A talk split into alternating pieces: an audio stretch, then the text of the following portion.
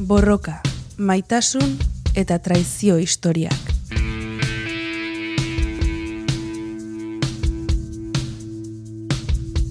Beatriz Rubioren azalpenak estitxu eizagirreren konpainian. Kaixo, Beatriz. Kaixo, ez ditu. bueno, hemen txago de bigarrengo Bai. saioan. Lehenengo saioan e, hitz egin genuen erdi aroan egon ziren ideia feministei buruz, eta bigarren eta hirugarren saioetan jorratuko dugu e, feminismoaren lehenengo olatua, edo feminismo ilustratua deitu izan dena, eta e, amazazpigarren mendetik emeretzigarren mendera, ba, bueno, Europan gertatu ziren e, borrokez, ezta? Zer, garai hartan e, Europak segitzen zuen erdiaroan bezain iluna izaten? Ez, hain iluna ez. Gainera, ilustrazioaren garaian edo argien garaian sartuko gara, peto-petoan, frantzia iraultza eta orduan ez. Hain iluna ez, argien, argien mentea, ilustrazioaren garaian. Iriaia garatzen hasi zian, suspertzen, Paris, Londres, ja, e, beste irudi bat, ez? Beste, gure iruditegia ere aldatu egiten da. E, nolabait horrere, gertatu zen erregimen aldaketa. Momentu honetan erregimen zaharrean murgiluta gaude, non monarkia absolutisten garaian, bai? Eta e, privilegio privilegiodunak eta ez privilegiodunen gizartean. Baina mende horietan ja azten dira lehengo burrukak privilegio eske, Ez, orduan horria privilegiodunak noblezia eta aristokrazia eta ja azten dira pixka beldur, e, privilegio ez du da ez dakatenen beldur, ez haien borrekain beldur. Eta hor nolabait bi iraultza mota antzematen dira, ez? Bai, alde batetik iraultza ekonomikoak edo industrial iraultzarekin lotura, dutenak, industrial e, produkzio modu berriak, eta berrekarreko duen egora sozionomiko berri alde batetik, eta bestetik industria, e, iraultza politikoak edo izango direnak, bai? Hortik, iraultza burgesak eta batez ere, eta gehien bat hortan oinarretuko gara, frantziar iraultzan. Eta emakumentzat hain argitxua ote zen egoera? Ez, ez hain, argia.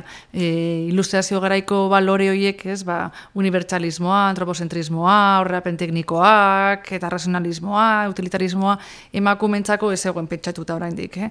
Goi mailako emakumeak, noblezia oraindik gaztelutan, e, egoten zan, e, kortearen e, a, a, zati dekoratiboena nolabait, baina bai sortzen dia behien artean ja, lesaloniers edo itzen zianak, non emakumeak bildu egiten zian, ba, gune kultural, intelektual, musika, literaturaz eta hitz egiteko, baina gaztelu barruan. E, nolabait, e, pala, e, jauregi barruan eta piskatuaren ere e, askatasun gutxirekin. Eta er, e, B mailako emakumeak, ba, hori, bueno, ba, jarraitzen zuten e, bizi baldintza oso e, txirotan, oso pobreak, baina bai igual askatasun aldetik, agian askatasun gehiago zutenak. Bai, eta orduan hor feminismoa mugitzen hasten da, bai, nolabait e, eskubide berdintasunaren bila, ez? Kristin de Pizan eta Polin de Labarrekin bukatzen dugu bidegabekerien memoriala nolabait da kejak eta orain hasten da beste fase bat dela bindikazioaren garaia, ez? Eta hor ezagutuko ditugu bain bat e, e, heroina berriak. Oso, no? Bueno, e, garai hartan bete-betean frantziar irautza gaur asko jorratuko dugun gaia, eta, e, bueno, hori aprobetsatuta jarriko dugu, eneritz, ba, Rigoberta Bandiniren kantua horraipatzen delako, garai hartako kuadro ezagunaren aipamena. Paremos la ciudad sacando un pecho fuera al puro estilo de la croix. Mamá, Bueno, frantziar irautzan gaude, emakumeek parte hartu altzuten irautzan. Bai, askotan imaginatzen dugu iraultza eta gizonezkoak borrokan, ez? Baina bai, emakume parte hartu zuten, bai Bastillaren hartzea, bai Versailleseko martxan eta bai, bai, bai parte hartu zuten eta gero 1789 bederatzean estatu orokorrak ditu zirenean, bereiek ere parte hartu nahi izan zuten. Baina ukatu egin zitzaien pa, e, parte hartzea. Borrokarako bai, baina gero e, eskubideak e, eskatzeko ja ukatu egin zitzaien, ez? Orduan hor nolabait emakumeek esaten ziten hango ilustratuei, ez da intelektualei e, giza eskubideen e, alde borroka egin zuen eta iritartasunaren alde borroka egin zuen hoiek guri iritartasuna eta gure eskubideak ukatzean gu estamentu bihurtzen gaitu zuen. Nolabait emakumeak ere beraien burua hirugarren estatuaren barruan hirugarren estatua e, e, izendatu zuten beraien burua, nolait, e, jasaten ari zen zapalkuntzaren autokontzientziaz, ez? Eta Montesquieu ere esan zuen, emakumeak momentu honetan, estatu berriaren barruan, estatu berri bat dia. Horren, hor, aprobetsatu zuten, e, kexako adernoak, beraien eskaerak nolabait e, publiko egiteko, ba, estatu horretan parte hartzea debekatu egin zitzailako. Mhm. Eta zer da eskatzen zutena kuadernoietan? Ba, begira, mila zazpiren da eta beratzi garren urtean gaude, eta eskatzen zuten horietako bazan prostituziaren abolizioa. Jo.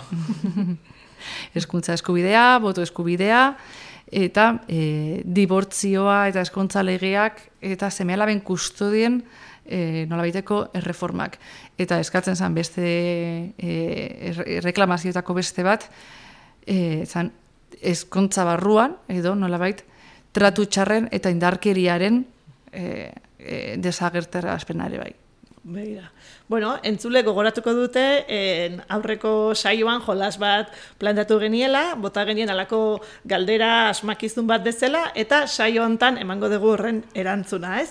Beraz Beatriz, e, zuk galdera bota zenien lengoan en, entzulei, ea norri izan zen ausartu zena Robespierri erronka botatzen, ba, sena ibaira sartzeko biak, baina hanka batetik, e, soka batekin arritzar bati lotuta, ez? Zein izan zen emakume ausartori? Bueno, bai, ausarta baino, ausarta heroina iaia, ez? E, momentu hartan Robespierri aurre egitea esan e, lan makala.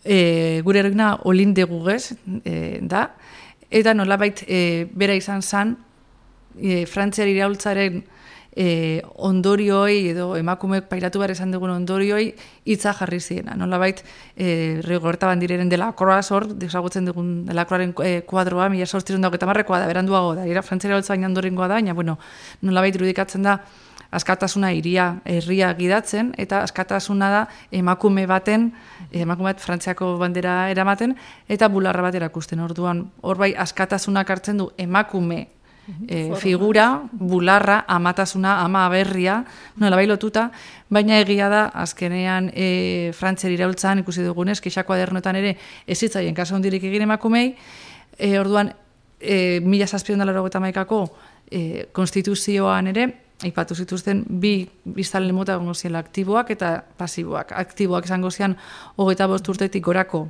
gizoneskoak, e, e, diru sarrerak edo jabetzak zituztenak, eta pasiboak hogeita bost urte baino gutxiagoko gizonak edo jabetzik ezutenak, eta emakume guztiak. Beraz, emakume guztiak kolektibo bezala pasiboa birtu zian. Mila zazpirun da bat garren e, urtean ere bai, e, gizonaren eta herritartasunaren eskubiden deklarazioa egin zen, eta zan literalki gizonaren eskubideak, esan genero maskulino e, orokorra, esan gizonarena.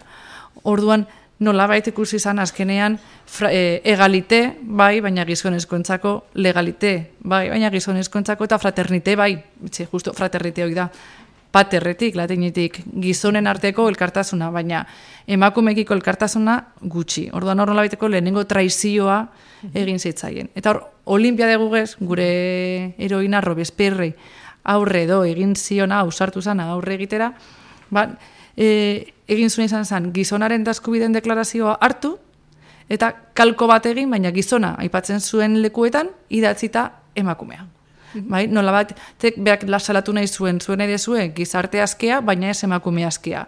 Nahi dezue berrentasun unibertsala, baina era berean emakumei eskubide zibilak eta politikoak ukatzen dizkigu zue. Nola bait, ba hori, Robespierre bezala, ba, e, ironia puntu batekin ere bai, norabait, aurre egin, barkatu, begiraz, zer eskatzen genuen, zer eskatzen zenuten eta zer eman diguzuen. Eta, e, Olimp de Guz ere, aberazkume bat zen? Ez. Ez, ez. Eta hori dira, gure heroina hauek, e, nola baiteko, e, e, pixo handiagoa edo ematen dienak, ez? Nola, emakume bat, hau, e, herri batekoa zan, frantzian herri batekoa, emakume e, xumea, eskondu zan, zeme izan zuen, baina bera zegoen, bere bizitzarekin e, gustora, eta, bueno, erabaki zuen Parisera alde egitea, utzi zuen bere semea, bere zenarra, eta juntzen Parisea, egia da Parisen, ba, hainbat gizonekin bizi izan zala, eta haiek mantenitu egin zutela, Baina, bueno, beraz izan e, hor panfletoak e, idazten, batez ere e, esklabutzaren kontrako panfletoak, eta gero sartu zen antzerki gintzaren munduan. Ba, hor, komedi franchises hortan, eta e, bere izena izatera e, iritsi izan, eh? eta egin zuen, idatzi zuen asko, esklabutzaren kontra, eta emakumeen eskubideen alde. Egin zituen e, desfileak, emakumei protagonismoa emateko, e, salatu zuen langabezian zegoen jendearen egoera, baina e, bai, be- beti pizkatori e, e, emakumeak eta es- esklabutzaren kontrako mugimenduagatik da, eza, da ezaguna. Eta bera, momenturen batean, bai aipatu zuen, ez, e, e, eta eritartasunen eskubideen aldeko e, manifestua idatzita gero, bai, berak esan zuen, aiz, aizu, eta hortak horregatik pasatu da nolabait bere saldia historiara, ez, e, emakume batek gillotinara igotzeko e, eskubidea baldin badu, tribunara ere igual izan beharko genuke, ez da? Eta nolabait, bere bizitzaren aurreikuspen bat ere egin zuen, ze, e, olim degugez azkenean bere bizitza, e, eraman zuen bizitzagatik, eta aldarrikatu zituen e, helburuengatik, ba azkenean gillotinatik pasatu ere izan zuen. Pentsa. Eta, bueno, e, gilotinako momentu hortan erakutsi zuen, ba, bueno, mm, pertsona bat zela gu, gu edo zein bezala, ez? Nola reazionatu zuen pixkat gilotinaren aurrean edo. Bai, azkenean pertsona bazan, eta inork ez du bere buruan gehiotinan ikusi nahi, eta, bueno, ba, beste edozein gu ezala, ez, ba, merri argi eta ilunak ditu, ez, eta e, emakumeen aldeko borrokan e, izugarrizko garrantzia izan zuen, berak izan zen nolabait ere mm, iz- izala politikoa eman zion nahi datziz feminismori, baina azkenengo momentuan, ba, bueno, hor saiatu zen, bueno, ba, berrogeta bost urte izan arren, bari, ba, es- eskondut, e, aurdun zegoela, eta aurdun egonda, ezin zutela gillotinatu, momentuan pixka gainera e, beataz barre egin zuten, eta azkenean eraman zuten gillotinara, eta eta katu zuten bai. Gillotina. Bueno, aipatu ez lehenago traizioa, ez, Frantziako iraultzak emakume egindakoa, eta maila, etxe barruko mailan ere e, semeak ukatu zuen bere ama, ez da? Bai, hori ikusiko dugu nola bai e, traizioa dago, bot, e, mm, estamentu politikotik nola baiteko traizioa, bai, ben, ze, hemen egalite eta fraternite eta legalite gutxi egon zan emakumentzat, baina famili barruan ere, ba, hori, bai, bere semeak e, uko egin zuen, e, bere ama hil eta gero, esan zuen nola baiteko, beak ez zuela zer ikusirik bere amarekin, eta zuela zer jakin nahi. Eta ikusiko dugu nola horreago, historia berriz errepikatzen da. Zondo. Gero, bueno, Frantziako iraultzan izen handiak diren gizonezko batzuk ere badira, baina horietako batzuk feminismoaren aurka agertu ziren. Adibidez zer esaten zuen gure lagun rusok gara hartan. Bai, bueno, ruso. Mira, e, horre ilustratuen artean, nolabait eh, bi posizionamendu egon ziren, ez? Ba, emakumea eta gizonaren arteko ezberdintasuna orde naturalean eta jainkotasunean edo e, religiosunean oinarritzen zutenak, eta nolabait beste batzuk aurrerako jagoak zirenak, zaten zuten, ez, ez, hau ez da jainkoak egindeko zer edo naturalki sortu den zerbait, honek arrazoi politikoak eta sozialak ditu. Orduan hor, nolabait feminismoaren alde edo borroka egin zutenak, bai ondoren goroiekin, bai olimdi gogezekin, eta ba, hor dazkagu Voltaire, Diderot, Condorcet, eta aldiz, e, nolabait emakumeak gutxiago zen zuten teoria hortan, ez? Daukagu Rousseau, Jean-Jacques Rousseau, en magisteritza edo pedagogia edo lako ikasgaiak ikasi dituen orok badaki buruz zein da Rousseau. Ikasi ditu Rousseauren liburuak buruz, e, Emilio eta Sofia, eta erakutsi digute Rousseauri buruzko, bueno, mila gauza, baina ez digute azaldu, norain arte e, nolako zen e, Rousseauren posizionamendua emakumekiko, ez?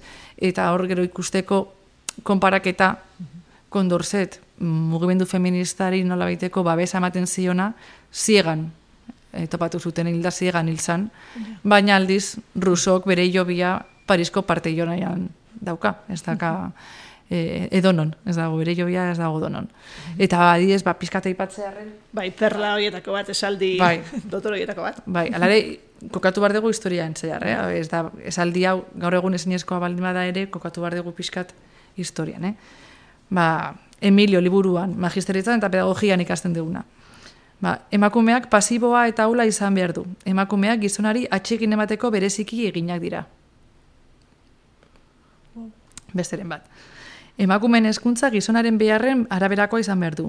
Atseginak, baliagarriak eta maitagarriak estimatzea gaztea direnean. Eta heldua gerenean, zaintzea, aholkuak eman, kontsolatzea eta gure bizitza erraz eta atsegina egitea. Ba, Aski. bai. ba, bera dago partenoian, bere jobia, aldiz kondorzeten, kondorzeten esalitako batez, ba, bueno, ba, eunkada gizonen berdintasun printzipioen eskubideen alde borroka egiten denean, nola da posible amabi milioi emakumeen iritartasun eskubideaz ahaztea. Hori da ziegan hilda aurkitu zuten. Bai, autorea. bai, bai, bai, e, Olimpide gugez e, gilotinan eta kondorzet zigan. Bai. Eta, bueno, garai hartan e, borrokatu ziren beste emakume ilustratu batzuk, zein aipatuko zen dituzke. Bai, bueno, hor, Condorcet beraren emaztea, Madame de Condorcet, Madame de Roland, eta da Elders, e, e, Teroin de Merikurt, eta beste batzuk Tito Jens. Hoiek e, oso kuriosoa da haien e, papera. Hoi, esker mugimendu aldetik e, e, gorriz eta txuriz juten zian kaletik, eta nahiko bronkak zian edo, pizkate, bai. Eta hauek guztiak, e, olimpide gugezekin eta nahiko gironean zenden, baina urrengo saioko gure eroinarekin ez zuten bat e, egiten. Primeran, bueno, esan duzun bezala, e, irugarren saioan ere, e, bueno, feminismo ilustratoren olatua da e, landuko duguna, eta berriro ere proposatuko diogu gure entzulei jolas moduko asmakizun hori, beraz, e, bota, Beatriz, ze galdera erantzuten saiatu beharko dute gure entzulek urrengo saiorako. Venga, Frankenstein feminista bihurtzea bi mugimendutan. Todas las